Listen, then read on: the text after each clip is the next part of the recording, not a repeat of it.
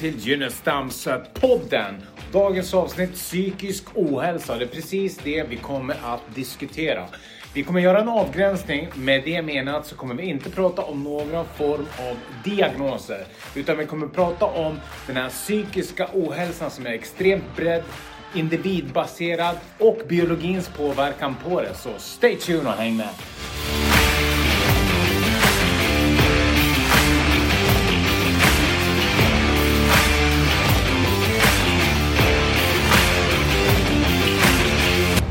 Okej, psykisk ohälsa, dagens avsnitt. Det är precis som det står på Folkhälsomyndigheten att det här det är väldigt brett och de flesta kommer komma i kontakt med det i livet. Jag kan säga så här att de flesta kommer att komma i kontakt med det i livet. Om det är en inkännande person Alltså det är klart att du kommer reagera på olika saker så tillvida att du inte har ett känsloliv. Så ni som inte har ett känsloliv och lyssnar på det, ja, ni kan ta in det intellektuella i alla fall. Då.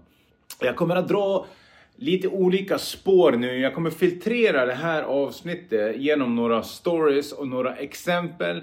Jag kommer även gå in och prata lite om det biologiska, vad som händer, sker i hjärnan. För psykisk ohälsa, det är ju absolut stressande. Så jag tänkte prata lite om det. Men vi säger så här. Om två människor är med om ett krig, de är med om samma upplevelser, samma händelser, de har sett exakt samma saker. Och så kommer de fram till dig här och så säger de, vet du vad? Jag är så glad att det här är över. Det är slut med bombandet, slut med döda kroppar och allt det här fruktansvärda som jag upplevt. Och den andra människan knackar, knackar en på axeln och säger, vet du vad? Det här kommer aldrig lämna mig. Jag kommer leva kvar i det här. Jag kommer må dåligt av det här. Det finns inte en chans att det här kommer lämna mig. Hur ska det här kunna lämna mig det jag har sett? Och jag tänker i den här situationen, de har ju varit med om samma krig. Vad är det som gör då att den ena människan säger yes, det här är över? Vad är det som gör att den andra, att den lever kvar? Har båda rätt? Absolut. Så med andra ord så är det här ett ett komplext område och vem eller vad är det som definierar psykisk ohälsa? För? Ja, men det är du. Och när man lyssnar här på, det, på det här exemplet så tänker jag så här, i, i samhället så finns det liksom en, en social kultur som gör att du får helt andra påtryckningar på dig när du är med om en händelse. Äh, det där var väl inte så farligt. Äh, det där där vill komma över. Äh, det där sker ju inte just nu. Och då finns det liksom ett, ett, ett, ett det man säger till, till människor som har varit med om ett, ett, trauma, en jobbig händelse, någonting som gör en orolig. Det är ungefär som man säger, vet du vad? Du har inte rätt att känna det du känner. Och här har vi ju sändare och mottagare. Sändare det är den som säger det här, mottagare det är den som hör det här. Och jag menar någonstans så, så liksom kommer ju skammen in i bilden här också. Nej, men det är klart att det kommer över det här. Och så får du en social påtryckning här nu. Munnen som talar i form av den här sociala påtryckningen. Och häng med nu. Det är någonting som kommer från kulturen. Till exempel i Sverige fungerar saker på vissa sätt. I Uganda fungerar saker på vissa sätt. Jantelagen till exempel som finns i Sverige. Vad är jantelagen? Ja, men det är en kultur. Du ska inte tro att du är bättre än någon annan. Och ungefär så där är det också med psykiska ohälsan och påtryckningen där.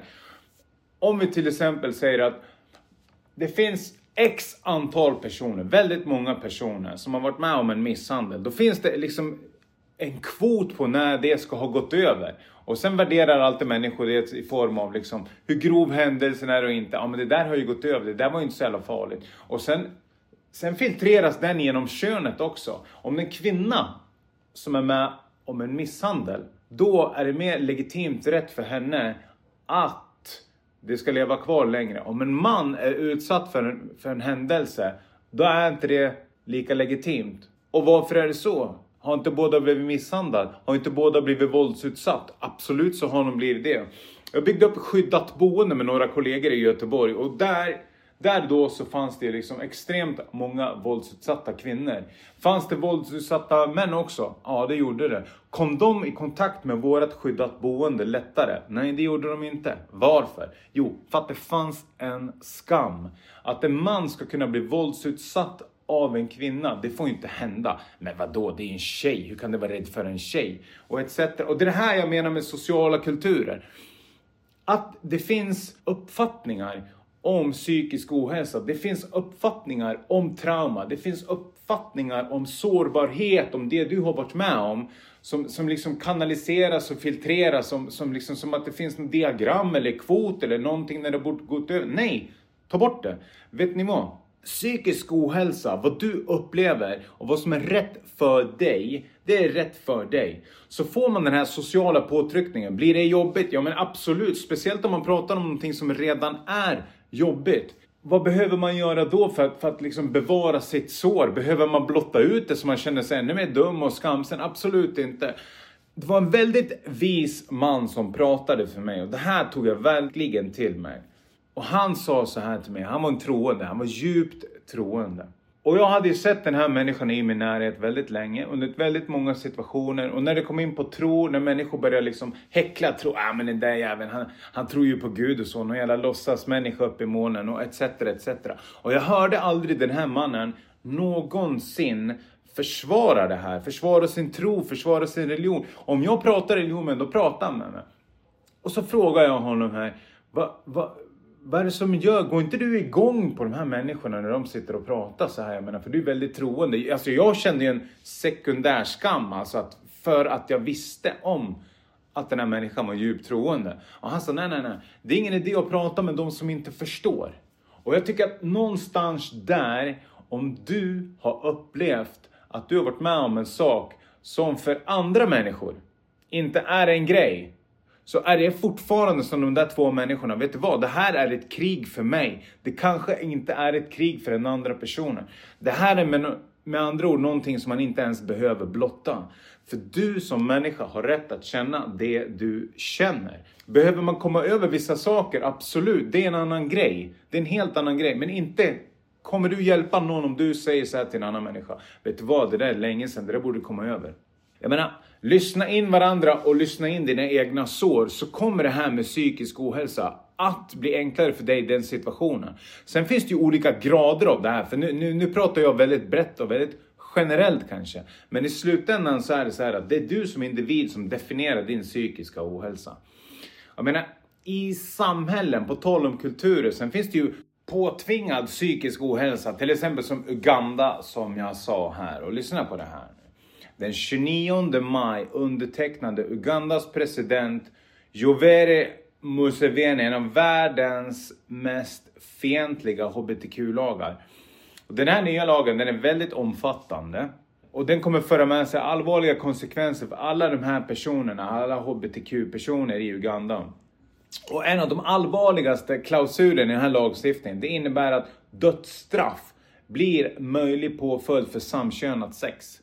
Till exempel för personer som tidigare har, har blivit dömda för det, då kan man utfärda dödsstraff på det. Och något annat som också är med i det här, det är att hyra ut en lägenhet till en homosexuell kan ge upp till sju års fängelse. Rena förföljelserna.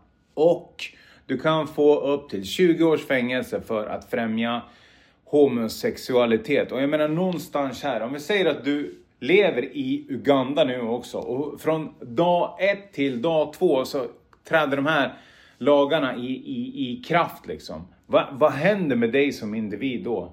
Alltså jag menar någonstans så här om, om, om, om vi säger, jag vet inte hur det ser ut i Uganda så, men om vi säger så här att du har inte den ekonomin för att lämna Uganda och du är en av de här HBTQ-personerna. Vad va, vad kommer hända med dig då? Och inte nog med att de här människorna måste dölja, dölja vad de känner. De har inte rätt till sin egen kropp. De har inte rätt att, att, att liksom uppleva, uppleva kärlek som andra människor har. Inte nog med det, så är det så att du får inte ens hyra ut en lägenhet till någon om du vet att de är det. Och främja homosexualitet också. Jag menar, det, det, det där är en väldigt bred generell lagstiftning också som kan säga liksom att nej men du släppte in dem på det här fiket. Nej men de bodde på det här hotellet. Nej men vet du vad, du lät dem kampa här. Du, du hjälpte de här hit att göra det. Alltså det här någonstans, det här är ju, det, det här är ju tortyr. Och jag menar vad händer med de här människorna som som har levt länge i Uganda då när lagen träder i kraft och vad, vad händer med de här människorna som verkligen upplever det här hatet mot de här personerna? Jag menar det här, det här påminner någonstans om, om nazismens idéer. Ska man dra vidare det här, det här spåret med påtvingad psykisk ohälsa. Det finns ju massa kulturer som har, Iran till exempel. Där sa den förra ledaren Mohajedi, när han fick frågan om homosexualitet i Iran, hur han ser på det. Och där var det inte, fanns det inte en lagstiftning där och då, eller här och nu, där, där det förbjuds. Men han sa, vad, vad pratar de om? Det är ett västvärldsproblem. Utan han, han såg alltså homosexualiteten som ja, ett problem och att det är någonting som hör hemma i västvärlden. Och där definierar han ju också de, de människorna då som lever som hbtq-personer i Iran. Va, vad händer med de människorna där då? Om, om han ser dem som ett problem. Och en sån regim som Iran, liksom där, där, där man vet att regimen är hänsynslös. Svenska Dagbladet, för att ta det här som ett exempel, de, de, de för ett reportage om ett ungt par som fick 10 års fängelse. Varför? Jo, för de dansade offentligt. Och de här de hade många följare på sociala medier. Och Herana skrev att enligt regimen så ska den här offentliga dansen ha uppmanat till korruption samt, lyssna nu, offentlig prostitution. Och det stör nationella säkerheten. Jag menar, är inte det en påtvingad psykisk ohälsa? Vad händer med de här människorna som blir fängslade för att de har dansat? Kommer de att må bra? Kommer de att bara sitta där och säga, vet du vad, nej, det här kommer du komma över. Äh, det här är bara tio år. Men självklart är inte det. Det är ett ganska stort, långt straff. Och vad kommer hända med de här människorna som lever kvar ute i samhället? Där de kanske har dansat någonstans nyligen. Är det någon som ska rapportera dem? Är det några andra som... Jo, men självklart så skapar det här en kollektiv stress. Och med det sagt så har vi fått en liten bild av vad påtvingad psykisk ohälsa är. Det är alltså dels att du kan leva i samhällen där du inte har rätt att känna, uttrycka, må hur du mår. Och enligt Folkhälsomyndigheten, för nu när vi filtrerar genom Sverige, nedstämdhet, oro, stress, det är en psykisk ohälsa. Och det leder de här människorna i såklart. Människorna som har varit med om inre krig, inre trauman, inre sårbarheter i Sverige, de lever också under de här förhållandena, fast som individ i sitt inre. I dem pågår de här motsättningarna, striderna och kamperna också. Så, så jag menar, någonstans så kan jag avrunda det här innan vi går till paus med att säga, ni som pratar med en annan människa, om ni tycker, om ni upplever att ah, det där är väl inget problem, alltså, men låt dem äga sitt egna problem och, och, och var, var tacksam då att det där kanske inte är ett problem för dig. Eller är det så att inte du vet hur du ska hantera problemet eller förneka det? Eller blev du lite provocerad av det jag sa just nu? Ja men vad bra, då kanske man kan göra någonting åt det. Har jag levt i en sån förnekelse? 1100%. Men vet ni vad? Vi tar en lite kortare bensträckare här och släpp ner hantlarna ni som är på gymmet, lägger er i soffan, rätta till kudden så kör vi snart igen. Stay tuned.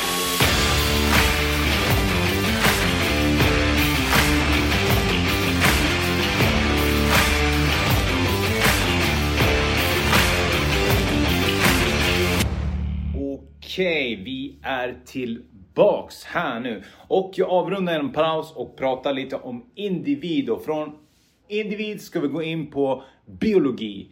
Och det här är ju verkligen inuti varje individ. Så vi, vi bara går ner till mikroperspektivet nu.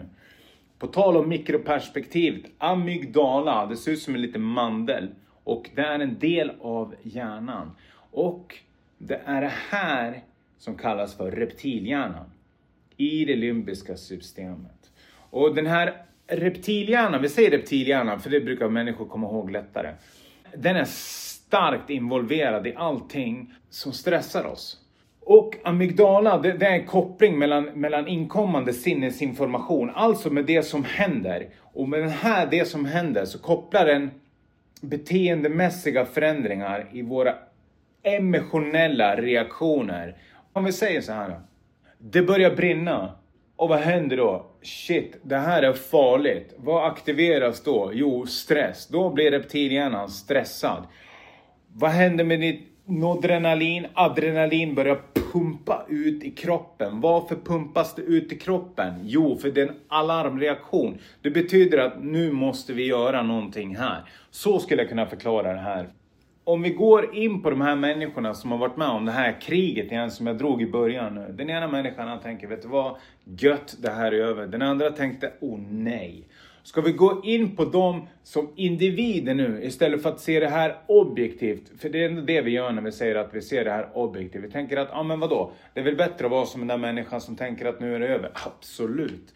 Men det som gör kanske då att det stannar kvar för den andra människan, det är att den där personen, hans amygdala, hans reptilhjärna har varit stressad sedan han var liten. Varför? Jo, för den människan har blivit våldsutsatt som barn. Varenda gång han har vaknat upp, slagit upp ögonen, så är han medveten om att, vi säger att det är ett hem fylld av misär i form av eh, oberäkneligheter, i form av missbruk. För att göra det väldigt tydligt här. Ja, vi har missbrukande föräldrar som givetvis blir oberäkneliga på grund av att de är fulla, de har avtändningar, de har påtändningar etc. Så det betyder att den här lilla pojken eller den här lilla flickan som är uppväxt i det här lever, andas i stress hela tiden. Den personen, den här lilla människan kan ha varit med om allt ifrån sexuella övergrepp till våldsamma övergrepp i form av knytnävar, i form av sparkar, i form av eh, verbala kränkningar, för det är också ett våld. Och vi säger att den personen har varit med om allt det här. Sen är den dels med om ett krig. Så när den personen kommer ut ifrån kriget och kan slappna av, för den personen kanske hanterade själva kriget bättre än den andra personen. Det kan man inte heller veta. Men om vi säger att vi antar så, och varför skulle den människan kunna hantera det bättre? Jo, för den är född i ett krig.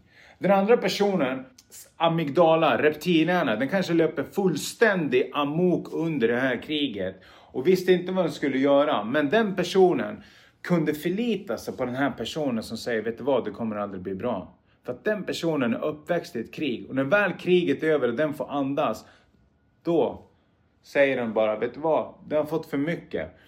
Kan det bli för mycket för en person? Och då tänker jag, men vad fan det är ju bra. Nej men vänta, om man ska kolla på stressreaktioner på hjärtat och hjärnans påverkan så vet vi allihopa att stress, väldigt hög stress kan leda till vad? Jo, en hjärtattack.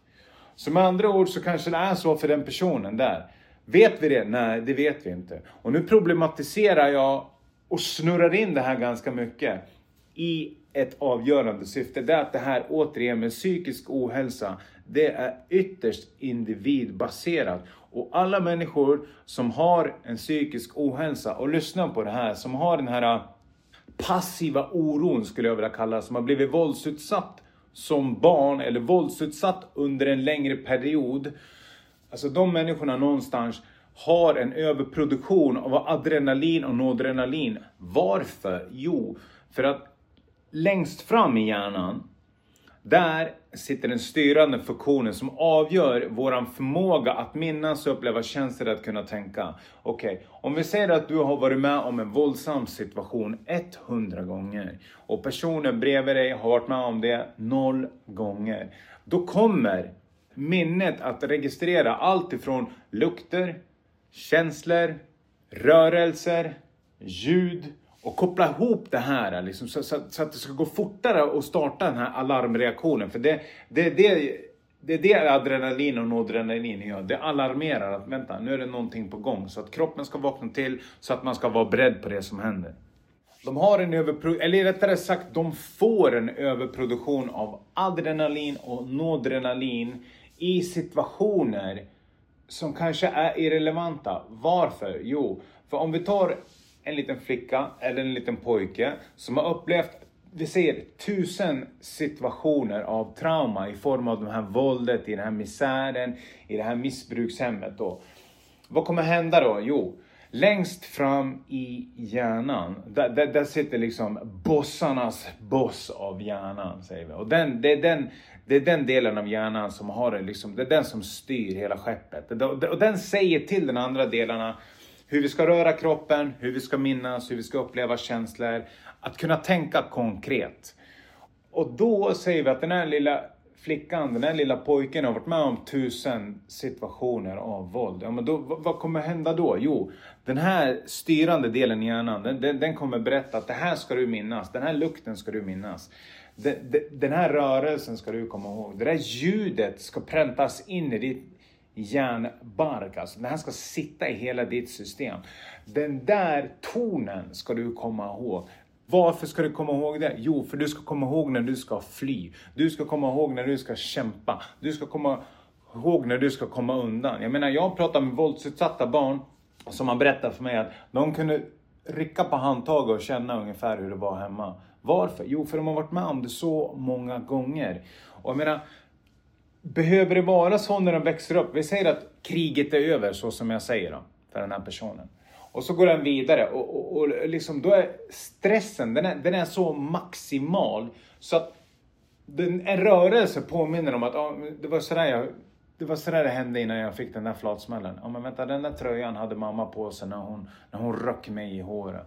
Och nej, nu luktar det sådär som det gjorde när pappa misshandlade mig som liten. Och jag menar, ska, ska man gå in någonstans och säga till den här personen att vet du vad, det där är fel, vet du vad, det där är över. Hur ska, ska du kunna kommunicera med, med den personens nervsystem? Ska du kunna liksom gå in i reptilhjärnan, amygdala, på den personen och liksom bota det med att verbalt säga, det där var ju länge sedan. Nej, det går inte. Och där tror jag någonstans att man behöver landa i det här hur man pratar med varandra om psykisk ohälsa. Och för de människorna som upplever psykisk ohälsa, som jag tog det här exemplet med den här människan som är troende. Ja men, ni som har haft den här traumat med er eller som har levt i det här traumat. Ja men prata, prata alltså utelämna er inte till de människorna där ni, där ni, där ni liksom kan få en traumaupprepning. För att det är precis så det blir. Alltså du har inte rätt att känna det du känner. Så jag menar, jag menar, vi tar den här människan som har blivit våldsutsatt igen. Och så ska mamman eller pappan bemöta det här. Äh, det var ju inte så farligt. Äh, men det var ju inte så. Äh, det var inte så. Ja, men det var ju bara för att. Det var bara för att det. Det var bara för att det. Det är väldigt stor skillnad på offer och förövare när det kommer till impacten. På tal om sändare och mottagare. Alltså den som delar ut en smäll i det här läget den effekten den människan får, den, det är en ilskereaktion. Och den effekten som den andra människan får, det, det, det, det kan ju vara om vi säger, om vi tar det här till ett barn återigen, för det är det som är väldigt centralt i det här. Alltså det är en jätte som slår en liten människa i det här fallet. Liksom. Och jag menar, någonstans där, det hela den här människan kommer bli uppväxt i då, det är ett stort trauma. Så med andra ord, psykisk ohälsa, återigen, det här är ytterst individbaserat och det påverkas extremt mycket av biologin så som jag har beskrivit här nu i olika situationer. Jag drog i reklamen om Watson när han säger att, vet ni vad? Ge mig tio barn och jag ska göra dem till vad som helst i resten av deras liv. Vad är det han säger då direkt egentligen? Och vad är det jag säger nu? Kommer det här någonsin gå över? Kommer det här någonsin att läka för de här människorna? Absolut så kan det göra det. Och vi ska prata lite mer om det, men först ska vi gå till en kortare bensträckare, så stay tuned!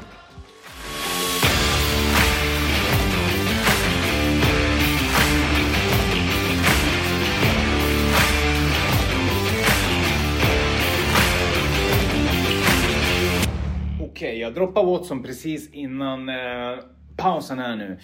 Och när man är liten så är det väldigt avgörande, precis som han är inne, precis som jag problematiserar med också, hur hjärnan fungerar. Och kan man sätta det här i kontext av KBT, gör om, gör rätt så får du nya upplevelser och känslor. Både ja och nej skulle jag vilja säga där. För att ja, ja, du behöver skapa nya erfarenheter. Ja, du behöver skapa nya rutiner för att kunna må bättre. Ja, du behöver göra andra saker. Varför? För att du behöver få andra upplevelser, andra erfarenheter om när du lyckas också. Men vad är det som kan hålla tillbaks den där då? Jo, du vet att du kanske borde, borde göra så här, men det går inte. Varför? Jo, men för att du, ditt trauma är så omfattande, det gör så ont i dig, så det är, det är inte så lätt. Och det här förstår verkligen jag. Jag menar, när jag, när jag jobbar med människor som har de har stått här i skyddat boende och kollat ut i fönstret i 6-7 månader över någon som ska komma och skjuta dem i huvudet. Och nu pratar vi dödlig fara här då. Ska jag bara säga åt dem, du, vet du vad? Du, du, du är på en skyddad ort nu, du kan kolla ut genom fönstret då. Det vore ju ganska okänsligt. Är det det de borde göra? Absolut, det borde de göra för att få nya situationen. Men någonstans där så borde man liksom hänga med dels känslolivet och förståelsen för det och dels det de faktiskt behöver göra för att skapa nya erfarenheter att det de facto händer ingenting. Och vad är det man kan göra här då? Jo, när man kanske ser ett fönster så bara där kanske adrenalinen och adrenalinet startas. Det kan ha att göra med att bara en glipa uppe så det kommer in lite sol för de där personerna som är avhoppare. För att göra det ännu tydligare. Bara där räcker det för att de vet att bara där kanske någon kan se in och se igenom. Och då har den här främre delen av hjärnan kommunicerat att det där kan hända, det där kan hända. Och skulle det kunna hända för de personerna? Absolut. Kommer det att hända? Nej, det behöver det inte göra. Men för den människan så är det verkligt. Och vad är det man behöver göra för att komma över det? Jo, men det, det, första man behöver göra om man ska kunna läka, det är att man behöver ta bort det som stressar. Och om det är en plats, om det är en människa, om, om det är ett gäng, om det är ett nätverk, om det är ditt jobb, om det är din partner, ja, då behöver man göra det. Och för att göra det här väldigt konkret, om vi tar en människa som använder droger eller använder eh, alkohol. Ja, den här psykiska ohälsan, den kommer pågå så länge du håller i flaskan. Eller så länge du håller i jointen. Eller så länge du snortar den där linan. Då måste man ta bort det som skapar yttre påtryckningar på, på, på din hälsa som skapar det. Alltså det behöver man ta bort först, ett. För att sen kunna läka. Och det man vet också, det är att, det att människor säger att Okej, okay, kriget är över, du borde ju ha läkt nu, du borde ju gå över det. Nej, men det finns någonting som heter utmattningssyndrom. Och det handlar om att man får problem med både minne, du får problem med, med, med koncentrationen och det som blockerar det här, det är, det är att små, små situationer, det bara bang säger nervsystemet, så överproducerar de adrenalin och noradrenalin. Den här stressen, jag blir bara stressad av att prata om det. Tänk dig då för människor som, som lever i det här. Alltså det, det man behöver göra då för att läka den första, första initiala, det är miljö. Den yttre miljön, de yttre påtryckningarna de behöver komma bort. Det yttre, yttre våldet behöver försvinna. Och du behöver även liksom blockera dig själv från, från, att bli helt uttömd och blotta dig själv för människor som säger Vet du vad, det där var länge sedan. Vet du vad, det där borde gått över. Äh, det är väl ingenting att haka upp så. Äh, men det är ungefär som man sa till, till alkoholismen innan man klassar det som, som, som en sjukdom. Ta dig i kragen och skaffa ett jobb. Den äldre generationen förstår precis eller äldre generationen skulle jag vilja säga, förstår precis vad jag pratar om när, när, när jag uttrycker det.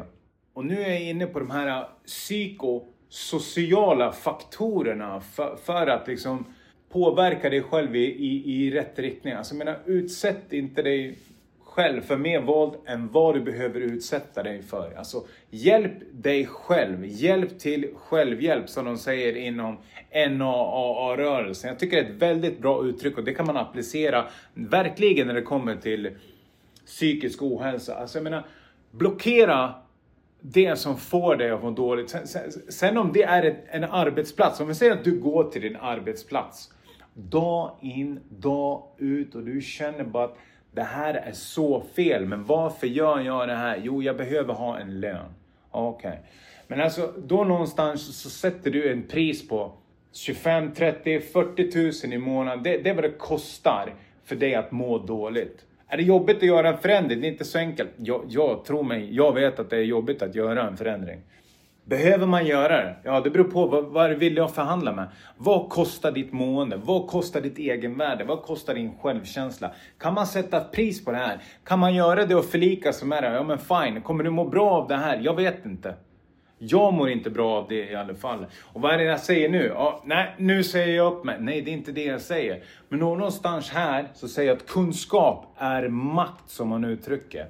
Och kunskapen om sig själv och sin psykiska ohälsa, ja den kan jag säga, den är direkt avgörande. Man får ingen handbok i livet där man säger att okej, okay, det här har du varit med om. Så här, nu ska du få det här formuläret. För det här är lösningarna på all din, ditt mående resten av ditt liv. Du, du kommer aldrig få den handboken. Men det du får med dig, som John Locke sa, det är tabula rasa. Med andra ord att vi föds som ett oskrivet blad. Vi skriver in erfarenheterna. Om du kollar på erfarenheterna, om du, om du rannsakar dig själv i ditt liv och tänker att okej, okay, det här mådde jag bra av. Det här mådde jag dåligt av. Det låter sjukt enkelt när jag säger det här nu. Men någonstans där, om man lägger ihop de här plus minus, plus minus med sig själv och twitchar lite, alltså gör små, små saker i varje, varje situation i vardagen. Tro mig, 365 dagar senare, om ni lyssnar på det här, den här dagen, den här dag ett, då har ni gjort 365 små förändringar till att må bättre. Och nu pratar jag om de psykologiska och de sociala förändringarna man kan göra. Och i nästa avsnitt så ska vi lyssna på en väldigt, väldigt, väldigt klok man som heter Fanso N. Jai. Han är regissören till, till filmen Last Man Down. Och där och då så kommer vi prata om biohacking och det är hur man kan påverka sitt mående utifrån det biologiska, precis som jag varit inne på idag. Så därför väljer jag att avgränsa mig i det här avsnittet till att prata om de psykosociala. På tal om det, när ni lyssnar på MMA, blod, svett och tårar i det avsnittet så snackar vi om liksom det här är det ultra, ultra optimala liksom, fighting. Och vad är fighting för någonting? Är det kamp? Ja, det kan man ju lugnt säga. Vad händer med de människorna egentligen då? De har en överproduktion av adrenalin och noradrenalin när man ska gå in i buren. Jag har varit där själv, jag vet exakt.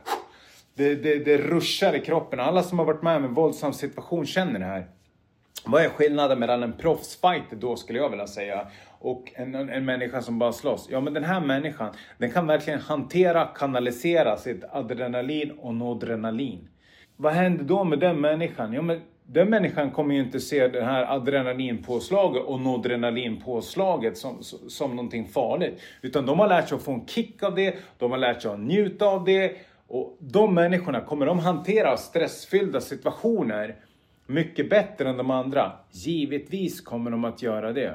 I det avsnittet så pratar vi också om vad händer då om en människa slutar proffsfighta som kan hantera adrenalinet och noradrenalinet. Som har gått under flera år, det behöver inte vara en fighter, det kan vara vilken tävlingsmänniska som helst som har liksom lärt sig att älska adrenalinen och adrenalinen. Redan veckor innan tävlingen, matchen, fighten så börjar den här adrenalinen pumpas ut vid tanken på det. Oh, det här ska bli spännande, det här ska, hoppas det går bra, den här matchen ska jag vinna, den här turneringen ska jag sätta, etc. etc.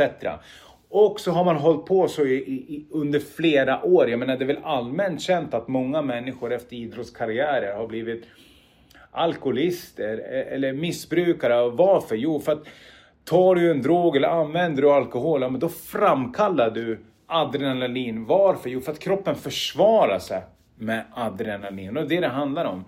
Och skillnaden då mellan en våldsutsatt människa, för det kan vara både man eller kvinna som nämnt, det är att den här tävlingsmänniskan har ju valt valt det här och lärt sig älska det. Den andra människan har inte valt det här men har blivit slav under sina mönster. Så när den människan har fått bryta sina mönster, för den människan har ju inte några bra betingelser, alltså med betingelser då menar jag sammankopplingar med adrenalin som noradrenalin. Så det blir lättare, skulle jag vilja sticka ut hakan och säga, att inte sätta sig i våldsamma situationer. Kontra då en människa, en, en hyperaktiv tävlingsmänniska. Den människan har ju format att älska adrenalin och noradrenalin. Och det är det man kan kalla för kicksökare. Så det är lättare för den människan att, att, att sätta sig, utsätta sig själv för fara i livet än den andra människan. Så återigen, perspektivet på psykisk ohälsa, tolkning av situationer och allting, det är ytterst individbaserat. Winnicott, en psykolog, han säger att det igenkända, det är en trygghet. Och då går du in i det här sociala, psykologiska perspektivet som gör att, vet du vad, jag kommer söka mig till situationen där jag får det här. Det här kan vara en väldigt omedveten reaktion. För att illustrera det här som bäst. Människor, vi, jag, du som lyssnar på det här. Vi kan se den här kvinnan. Hon väljer att gå till den där mannen som slår henne. Så går hon vidare till en annan man som slår henne. Så går hon vidare till nästa man som gör det också. Så tänker man, men vad, vad är det här? Jo, det igenkända är en trygghet. I den här biologiska delen så kanske hon har fått så mycket utlopp för adrenalin och noradrenalin så hon utsätter sig för de här situationerna. Fast hon vet inte varför själv. Hur många gånger har man inte hört att ja, jag vet inte varför jag gör det, jag bara gör det.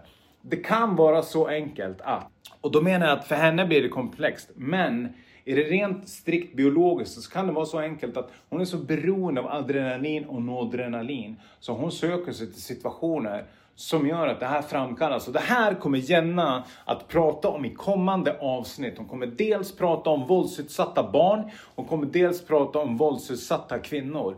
Och jag hoppas verkligen att ni förstår med det här avsnittet att psykisk ohälsa, ja, det är någonting som är ytterst individbaserat. Och för varje människa har rätt att äga sin egen historia. Varje människa har egen, egen rätt till sin oro och vad de uppfattar som oro och vad de inte uppfattar som det. Jag hoppas verkligen att ni har fått med er någonting av det här avsnitt och jag ser verkligen fram emot nästa veckas avsnitt med Fansun Jai när vi ska komma in på det här med att hur vi kan påverka vår, våran biologi att må bättre i vår vardag.